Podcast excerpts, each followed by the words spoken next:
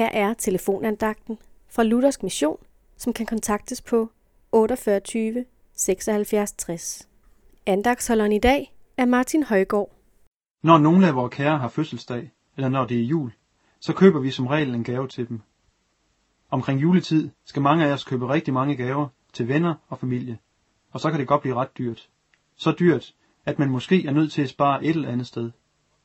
Og så kan det godt være, at man bliver fristet til at tænke, at man måske helt kunne spare gaverne til tante Odas irriterende unger, eller i hvert fald købe nogen, som er en del billigere end det, man oprindeligt havde regnet med at købe for.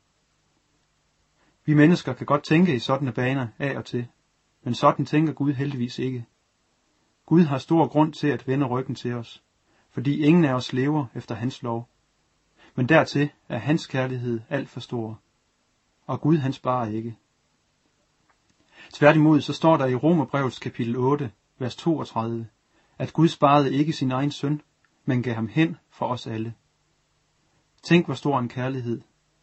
Tænk at have en kærlighed, der er så stor, at man ikke sparer på noget som helst, men endda sender sin egen søn til jorden, for at alle menneskerne må få del i paradiset. Kun ved at sende sin egen søn, Jesus, til jorden, kunne menneskerne igen få adgang til paradiset. Paradisets have blev lukket af Gud, da Adam og Eva blev vist ud, efter at have spist et æble fra kundskabens træ. Men da Jesus døde på Golgata langfredag, der åbnede døren igen. Og har vi Jesus ved hånden, der får vi lov til at gå igennem paradisets dør, den dag, hvor hjertet har slået det sidste slag. Og det bliver kun muligt, fordi Guds hjerte er fuld af overstrømmende kærlighed til hvert enkelt menneske. Amen.